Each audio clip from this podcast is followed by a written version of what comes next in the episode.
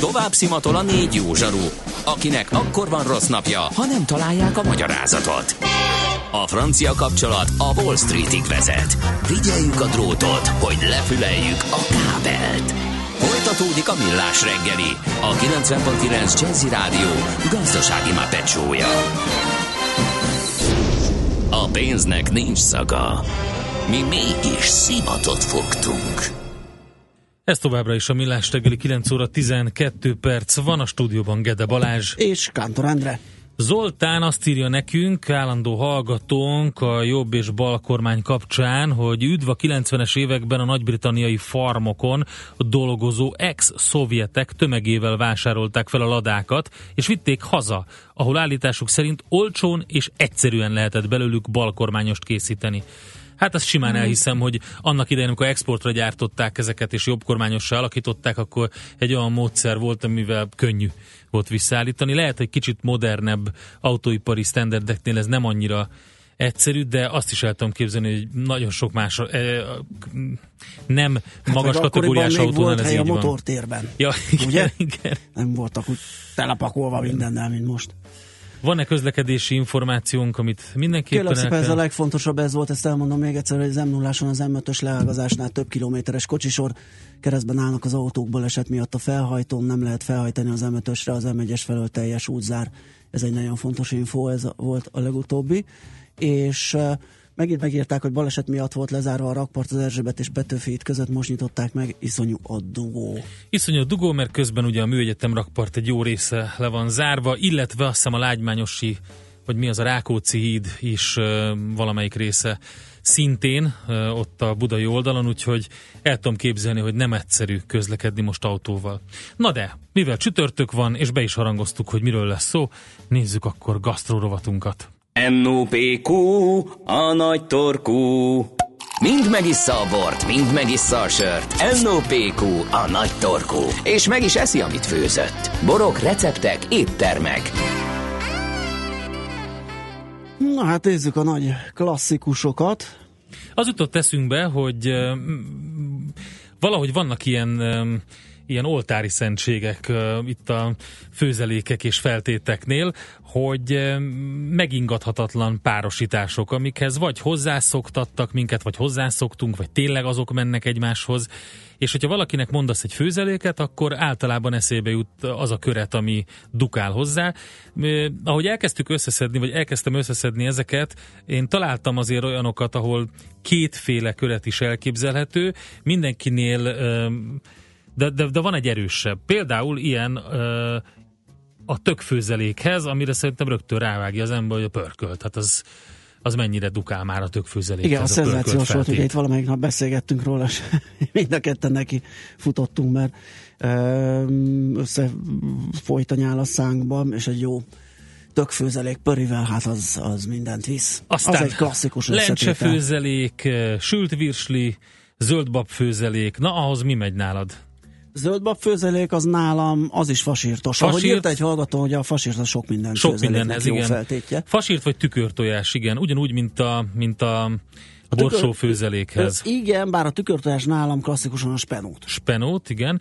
És ahogy a spenótot még sokan eszik, bundás kenyér. Hát ezen meglepődtem, én ez nekem nem volt meg, és nem is próbáltam, de feltétlenül mm, megfogom, mert hogy hallgatók is írták, és vannak itt nagyon érdekes megoldások, bundáskenyér kocka például, uh-huh. hogy jobban lehessen haladni, meg gondolom egy nagy bundás szeletet, ha ráraksz feltétnek azért. az- Szárazbab főzelék? Száraz bab főzelék, hát Pöri, nem? pöri, az is inkább kolbászos valami, vagy Kol- pöri. kolbász vagy pörkölt? Hát igen. És a sült debreceni az egyébként egy nagyon klassz, nem is a virsli, hanem a figyelj, A sült debreceni. debreceni az nekem a sárga borsó. Sárga borsóhoz Sárga is így borsó van. főzés, sült debreceni, az, az nagyon jó. Sült virsli, sült debrecen, igen, a sárga borsóhoz. Ezek feltétek, nem köretek. Köretet mondtunk volna? Ö, nem, feltétek. Bocsánat, Igen, nem, bocsánat, lehet, hogy rosszul fogalmaztam. Én Igen. mondtam véletlenül köretet, Igen. mert de, de feltét, igen, természetesen feltét, nem köret. Ö, Aztán kell káposzta főzelék. Na, ez egy érdekes dolog. Ahhoz mi dukál? Fasírozott, Fasírozott az mindenképp. biztos. Sült oldalas. Sült oldalas, az nagyon jó. Ezt úgy találtam egy valamelyik recept oldalon, hogy, hogy a sült oldalas az mennyire jó hozzá. Egy kicsit bonyolultabb feltét a sült Igen. oldalas, de függetlenül Nekem ami klasszikusan jó. fasírtos, az például a paradicsomos káposzta. Tényleg? Igen. Ahhoz nem a párolt marha vagy sertés szelet illik? Ö, nem vagy klasszikusan tudom. szerintem a menzán ezt adták Igen? hozzá, nem? Menzákon. Én nekem ez volt a de nyilván a, a sóska mártás az um, főkrumpli, kemény tojás, ez a variáció. Igen. Akkor a, a sólet ugyancsak kemény tojás. Hú, igen, még hozzá de héjában, héjastú bele helyezgetve. A liba. Hát a liba az kell. Az kell. Igen, igen, Ugye? igen. nagyon... Rájöttem, nincs elég nagy edényem. Egy ilyen római tába szoktam csinálni, és színültig van, mert az ilyen liba darabok, meg minden az annyira megtölti, hogy hogy sokszor kevésnek uh-huh. bizonyul, de igen, igen, ott a kemény tojás és valamiféle liba, akár csak simán liba szánytő is megfelel, és akkor azt utána nagyon jól lehet csócsikálni hozzá. Aztán elfelejtett feltéteink. Bélszínróló például, itt van egy kedves hát a bélszínróló, igen, az egy klasszikus főzelékfeltét volt, nem tudom, hogy van-e, én így annyira nem nagyon találkoztam vele a Mirelit pultokba, de elképzelhető, hogy egy hallgató is írta, az nagyon finom, bármi is legyen benne, és az összetevők.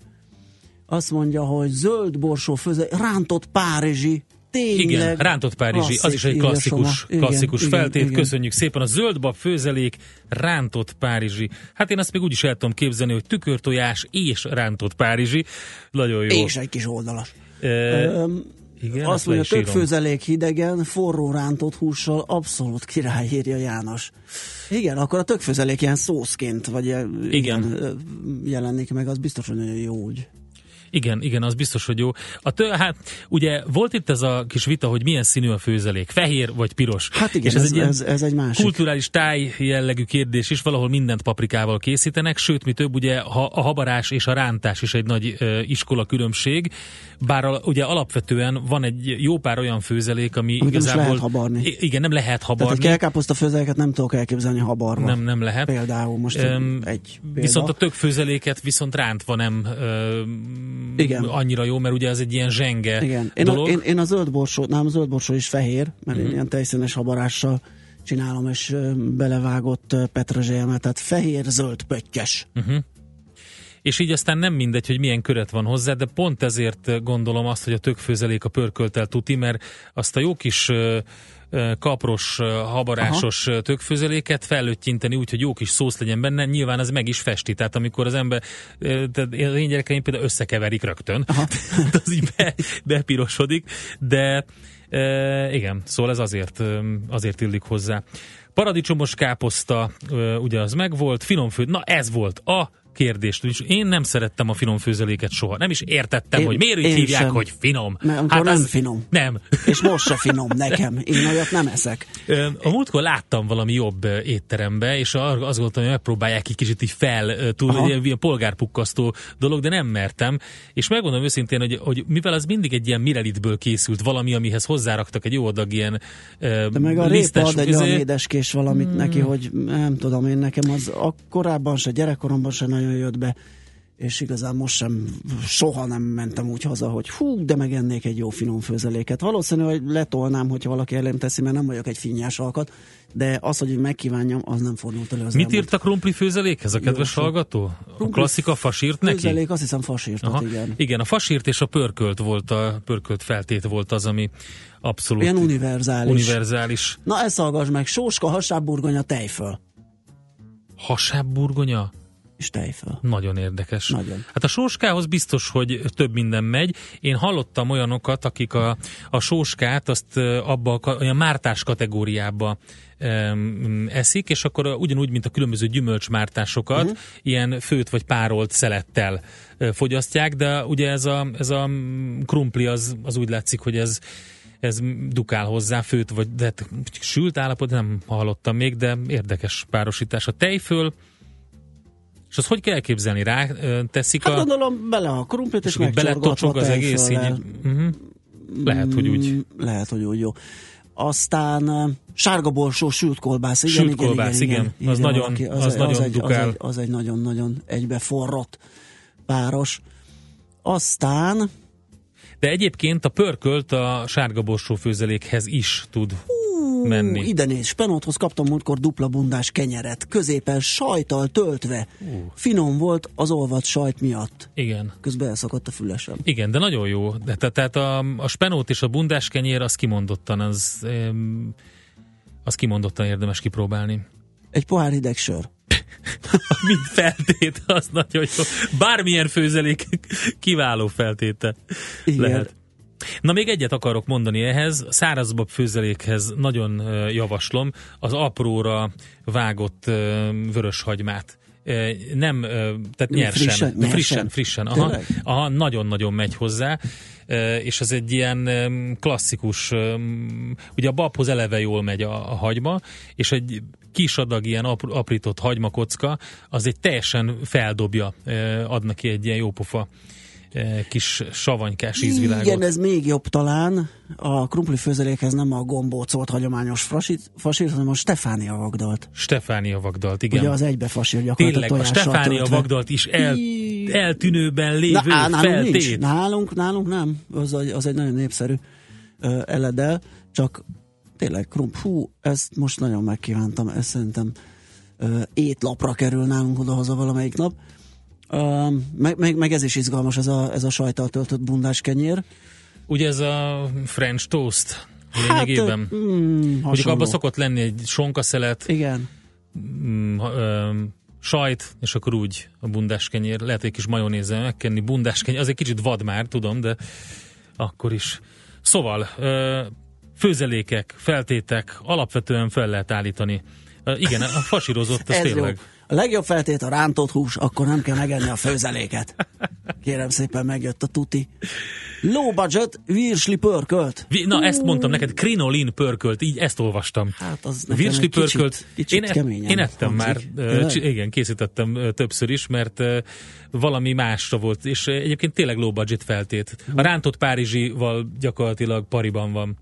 Uh-huh. És uh, mégiscsak, hogyha jó megcsinálod, ilyen pörköltes szószos hogy, hogy ott, ugye én alapvetően úgy csinálom a pörköltöt, ez egy ilyen gundeles régi megoldás, hogy ugye a hagyma fonyasztása, tűzről lehúzás és megpaprikázása után felengedem egy kis vízzel.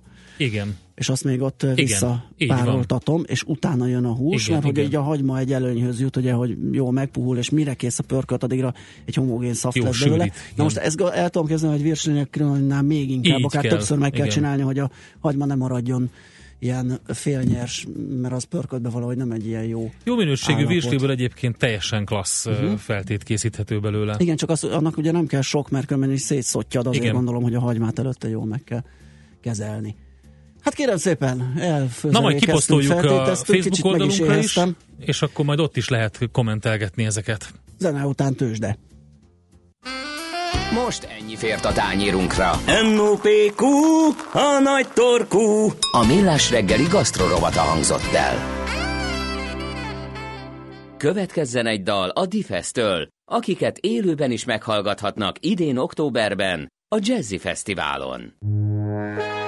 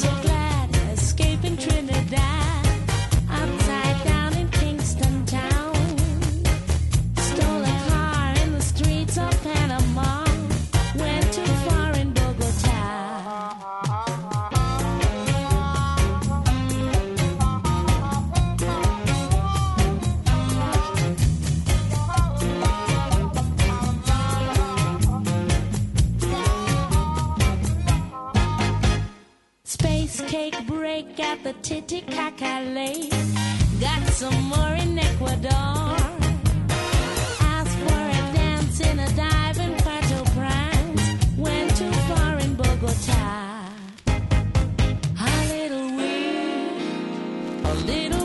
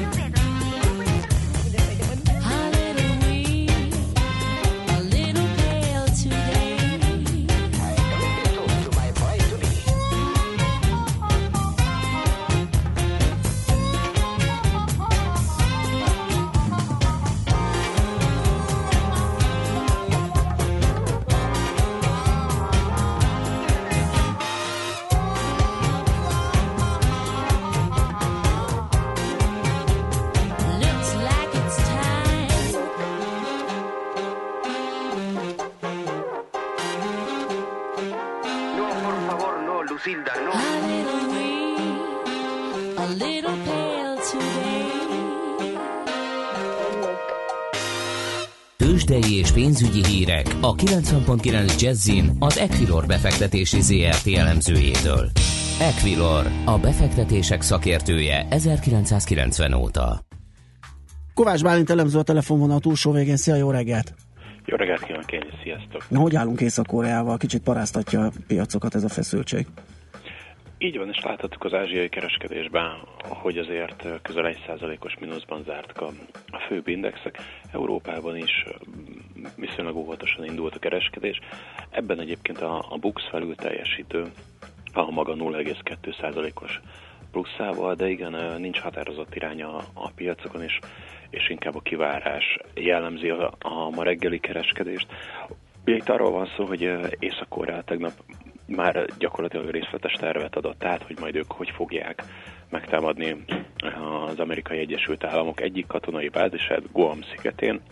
Elmondták, hogy hogy kb. mikor fogják kilőni, és hogy milyen, milyen rakétát, ami azért nem a legjobb háború stratégia Igen. az én olvasataim szerint, de, de aztán a sorok között olvasva valószínűsíthető az, hogy ez inkább csak egy, egy szimulációs gyakorlat, bár annak elég erős, valószínűleg a partoktól 30-40 kilométerre fognak a tengerbe csapódni ezek a rakéták, ha egyszer ezek kilövésre kerülnek, de hát közben át kell szállniuk Japán fölött, és Japán az is elképzelhető semlegesít erősíti ezeket a rakétákat.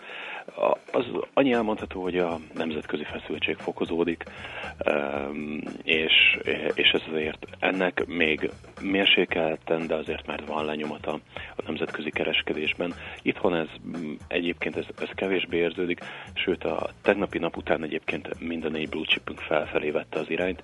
Igaz, hogy nagyon alacsony forgalom mellett indult ma a kereskedés, ugye említettem már a Buxot 0,3%-os pluszban áll most, 36.681 ponton, és mindössze 242 millió forintos forgalom bonyolódott le itt az első fél órában.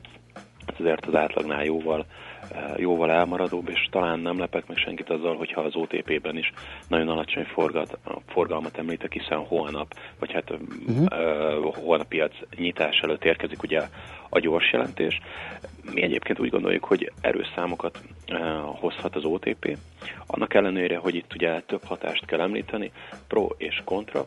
Ugye a, ami esetleg év per év bázison egy picit visszafoghatta az OTP eredményét, az egyrészt az, hogy 2016 második negyedévében került sor ugye a, a Visa tranzakcióra, ez, a, mm, ez azért elég erős eredménynövelő hatást jelentett az OTP-nél, illetve uh, amit az előző negyed évben tapasztaltunk, a rubel erősödése, és ezáltal ugye a forintban elszámolt uh, oroszlánynak az eredménye is már mérsékeltebb hatást mutathat, hiszen a rubel egyébként gyengült, illetve amit még az első negyed évben látunk, hogy a kockázati költségek azért jelentősen csökkentek, ebben nem várunk újabb jelentős csökkenést, tehát ezek a, ezek az a korábbi eredményhatások már ö, eltűnőben vannak, viszont úgy gondoljuk, hogy a hitelezési aktivitás erősödött annyit, hogy ö, a nettó kamat e- eredményeket annyira megnyomja, hogy az OTP év év alapon erősebb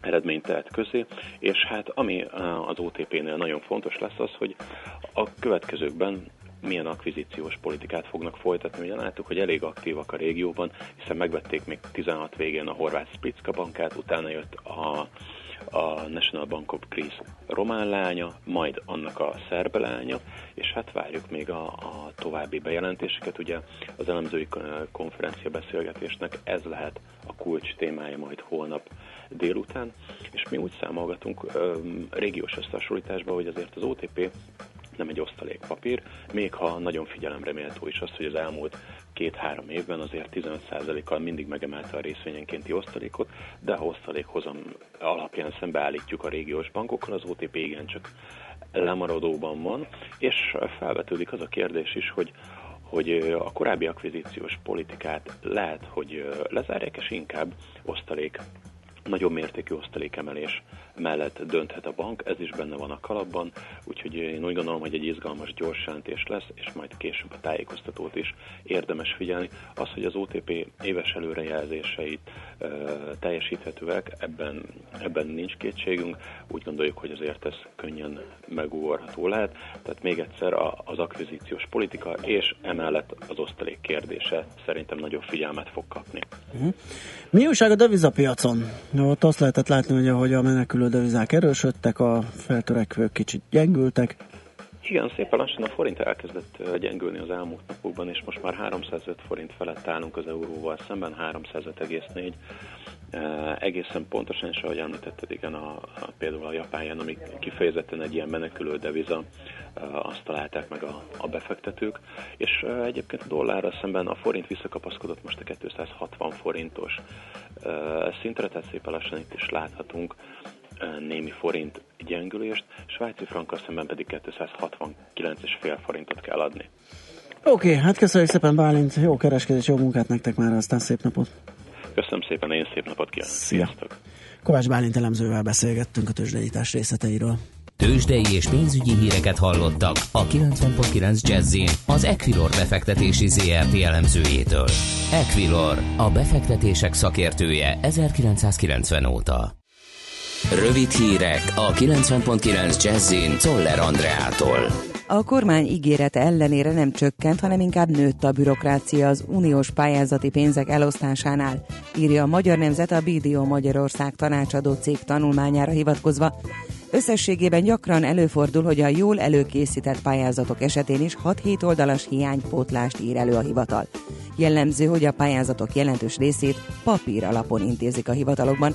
A nehézségek miatt a pályázatok elbírálása és az eredmények kihirdetése több mint egy évet is csúszhat, eközben óriási összeg 800 milliárd forint nyitott uniós tender várja a jelentkezőket.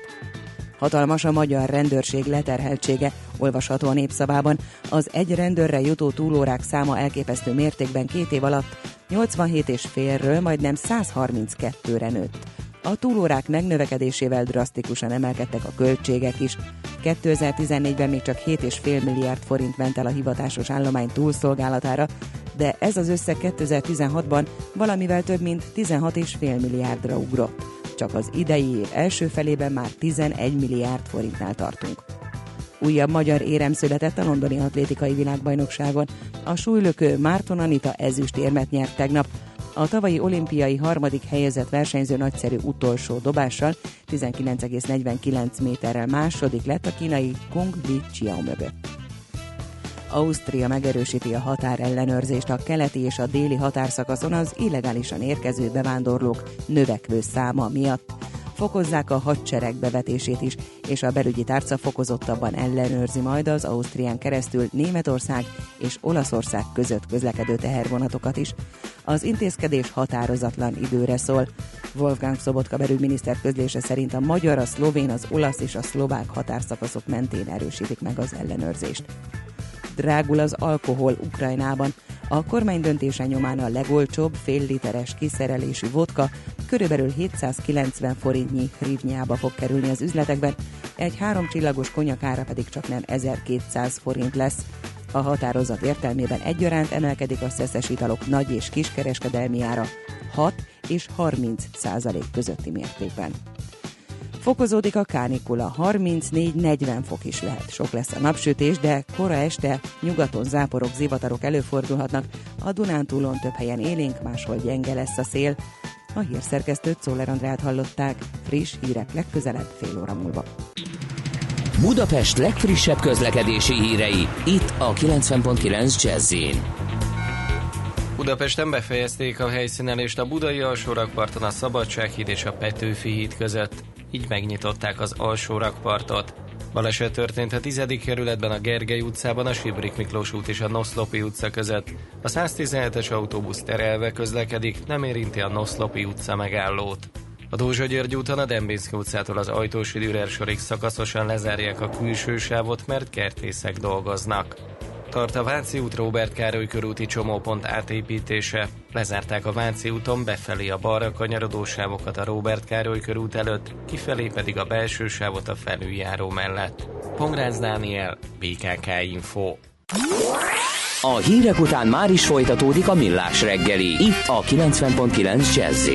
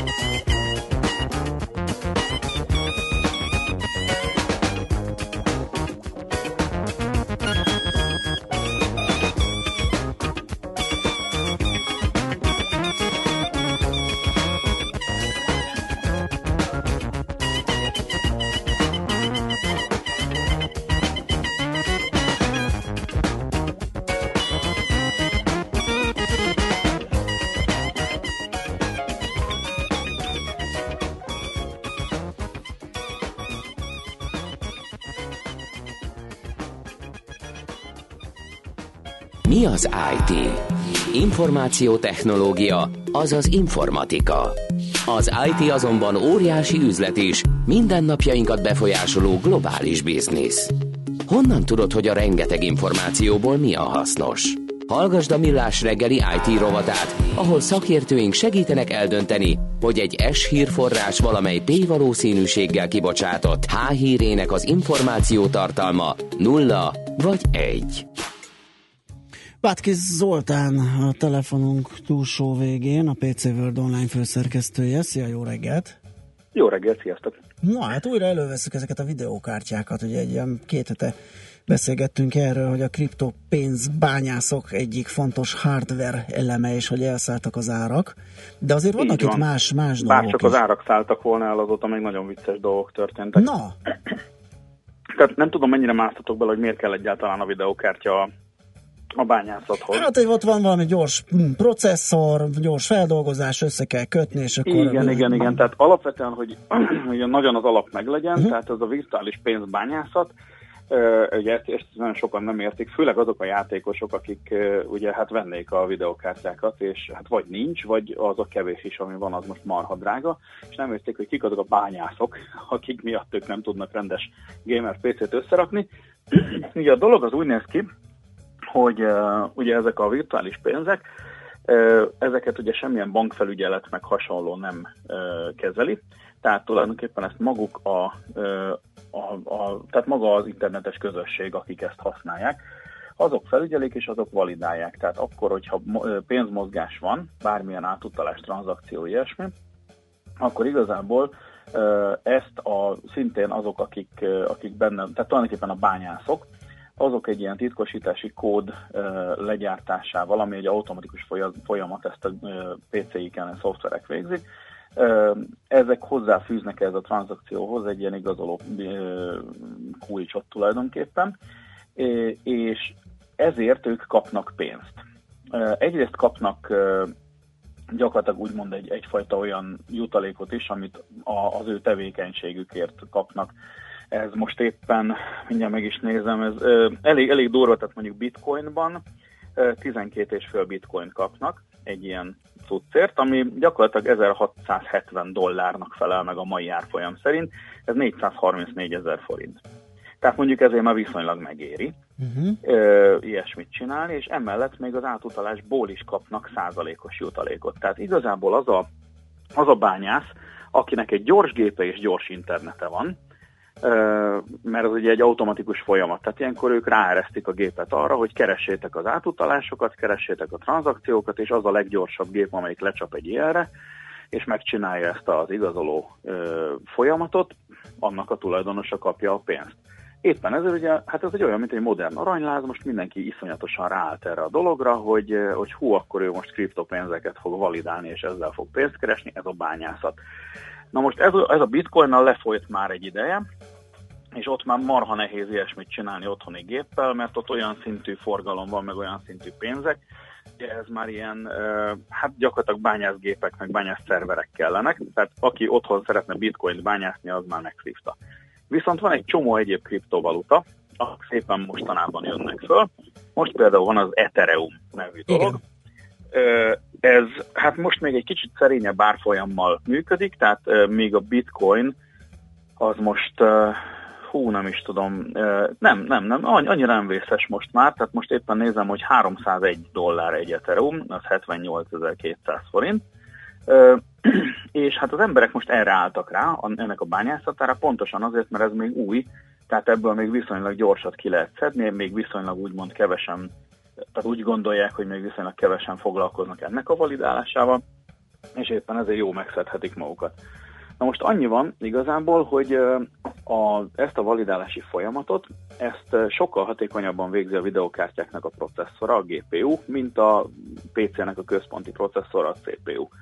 És ezért fogták magukat ezek a bányász népek, és most, hogy megjelent az Ethereum, elkezdték felvásárolni a leg, legizmosabb videokártyákat. Ezek mennyibe kerülnek? És nem azért, hogy, hogy bármit is nézzenek rajta, hanem azért, hogy ennek a proci ez elkezdjen folyamatosan pörögni és bányászni. Mennyibe Most ennek kerülnek ugye ezek? két ö, Zoli, következménye lett. Az egyik az az, hogy a, hát ugye a játékosok elől elfogyott a kártya, másrészt pedig az, hogy ami, ami megmaradt, az is marha drága lett. Közben viszont, hát, és itt jön a csavar, és, és ez tényleg mutatja egy picit azt, hogy ez a kriptopénz, ez, ez legalább, legalább annyira kalandos, vagy lutri, mint mondjuk annak idején az aranyláz, hogy egyrészt a, az Ethereum az egy iszonyatosan instabil pénz. Tehát mondjuk indult 400 dolláron, aztán volt 200-on, most 300. Ilyen szintű billegést azért mondjuk normál, normál valuta esetén eléggé nem, nem szeretnek az emberek.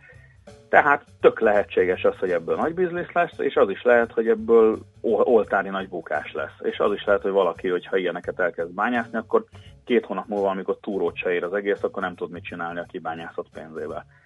Másrészt pedig eh, ehhez a bányászáshoz az kell, hogy folyamatosan fusson tényleg egy izmos gép, amiben egy izmos videokártya van, és hát ezt ugye eleve ebbe investálni kell az elején, tehát ahhoz, hogy egy ilyen gépet vegyek, maga a videokártya 100-150 ezer forint, mellé még az izmos gép mondjuk még egyszer ugyanannyit, tehát 300 ezer csak az a befektetés, hogy én elkezdjek bányászni, és az egész nap pörög, hát ez nem egy pici notebook, éppen ezért ez zabálja az áramot, Igen. meg, meg ugye erős internet kell neki, tehát igazából ez akkor lenne egy jó befektetés, hogyha ez tényleg egy egyértelmű lenne, hogy ez egy tök biztos, nagyon jó pénz, marad az árfolyam, vagy akár följebb is megy, és akkor tényleg szépen lehet belőle keresni. Na de konkrétan, hát ugye itt, itt jött az, hogy a, ugye sokan ráúztak erre az elején, elfogytak a videokártyák, és a ö, videokártya gyártók erre azt mondták, hogy haha, ez most nekünk tulajdonképpen jó. Mert hogy akkor kiadunk egy csomó olyan új videokártyát, ami rajta vannak a videokártya processzoraink, ezek a GPU-k, de nincs rajtuk kimenet, monitor kimenet, mert igazából akkor ezt kifejezetten a bányászoknak adjuk ki. Ezzel két legyet ütünk egy csapásra. Egyrészt ugye meg, tehát megint tudnak a játékosok venni jó kártyákat. Ők az eddigi bevételi forrás, tök jó.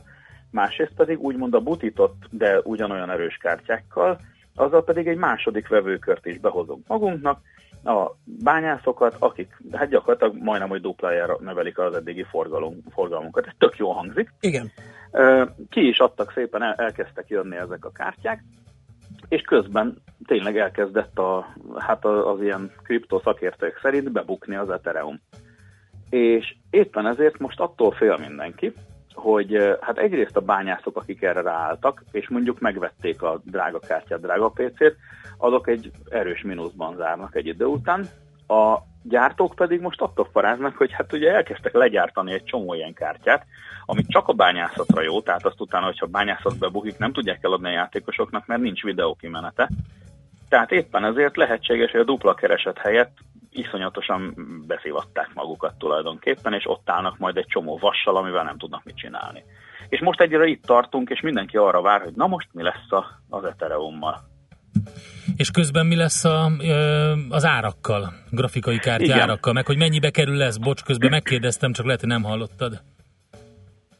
Hogy mennyibe kerül egy, ilyen, egy jobb grafikai kártya? Hát igazság szerint most mind, tehát tök mindegy, hogy ez most bányászásra vagy, vagy játékra való, de igazából egy 100-150 ezer forint.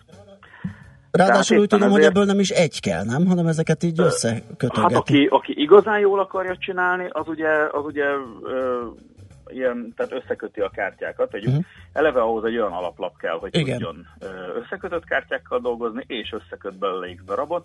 Tehát ez, ez tényleg szorozható bármeddig, amennyire bátor. És még vagy egy picit az órajelet is az fölhúzza.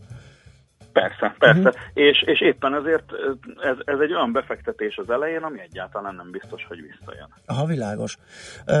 Sőt, én azt is hallottam, hogy, a, hogy a, ezek mögött álló blockchain technológia elterjedése azt is hozhatja, hogy az egész internet ezeken az alapokon fog működni, és akkor meg aztán teljes összeomlásszerű árfolyam reakció jöhet, mert onnantól bárki előállíthat ilyen kriptopénzt, ez igaz? Igen, ettől nagyon sok mindenki fél igazából. Tehát ez egy, ez egy olyan dolog, amitől ugye fél a teljes pénzügyi szektor, Aha. mert hát ez egy nem irányított dolog. Tehát innentől kezdve, hogyha ez bejön, és az emberek tényleg elkezdik ezt használni, akkor mondjuk így a bankszektor az egy akkorát fog recsenni, hogy az elhaladszik a holdig.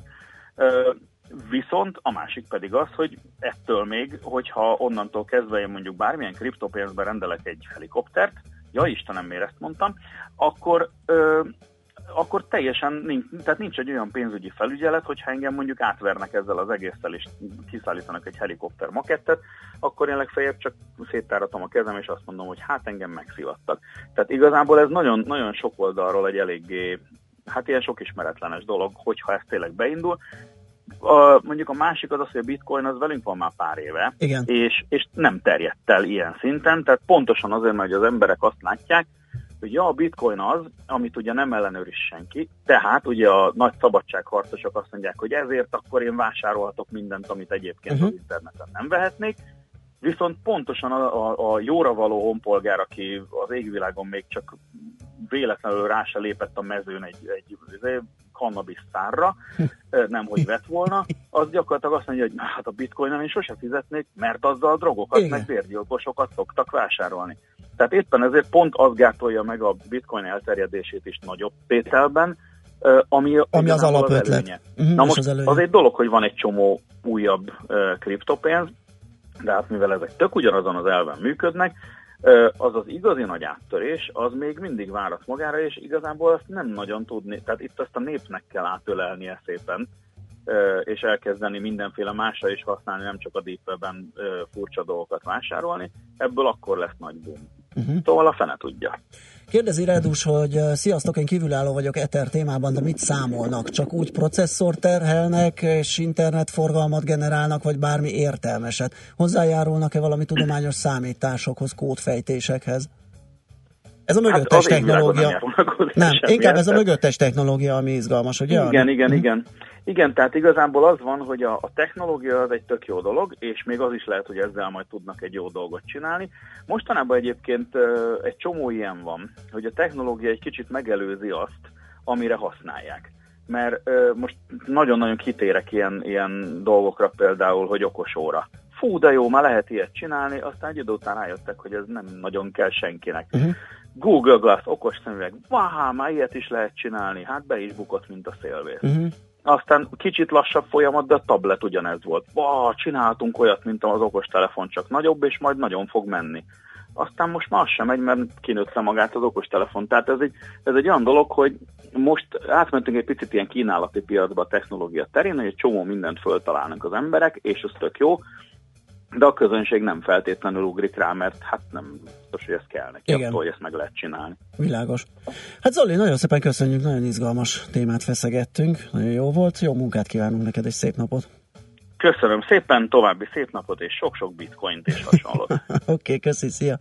Sziasztok! Bátki Zoltánnal a PC World online főszerkesztőjével beszélgettünk kriptopénzekről, kriptopénz bányászatról és a grafikus kártyák piacáról. Mára ennyi bit fért át a rostánkon. Az információ hatalom, de nem mindegy, hogy nulla vagy egy. Szakértőinkkel minden csütörtökön kiválogatjuk a hasznos információkat a legújabb technológiákról.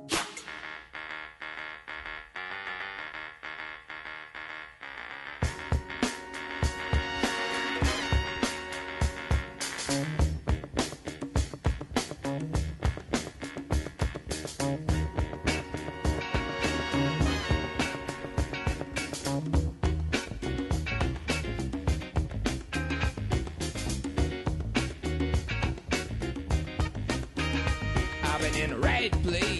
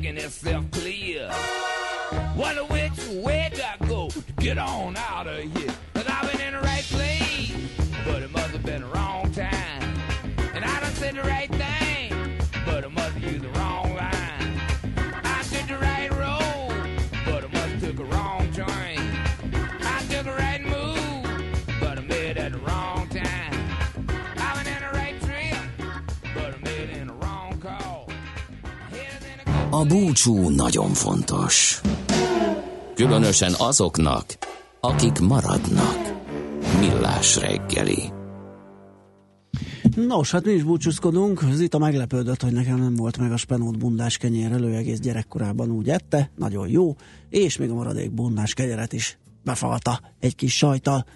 Hát igen, ki fogom próbálni mindenképpen a spenótot, méghozzá ezzel a sajtos turbós verzióval. Köszönjük a mai figyelmet is, elfogyott a műsoridőnk, úgyhogy elbúcsúzunk, jön a friss hírekkel, holnap ismét lesz millás reggeli. Fú, rengeteg érdekes téma, holnapiban is, holnap lesz futórovatunk is, ahogy megszokhattátok pénteken, megfapados, úgyhogy már most lehet küldeni.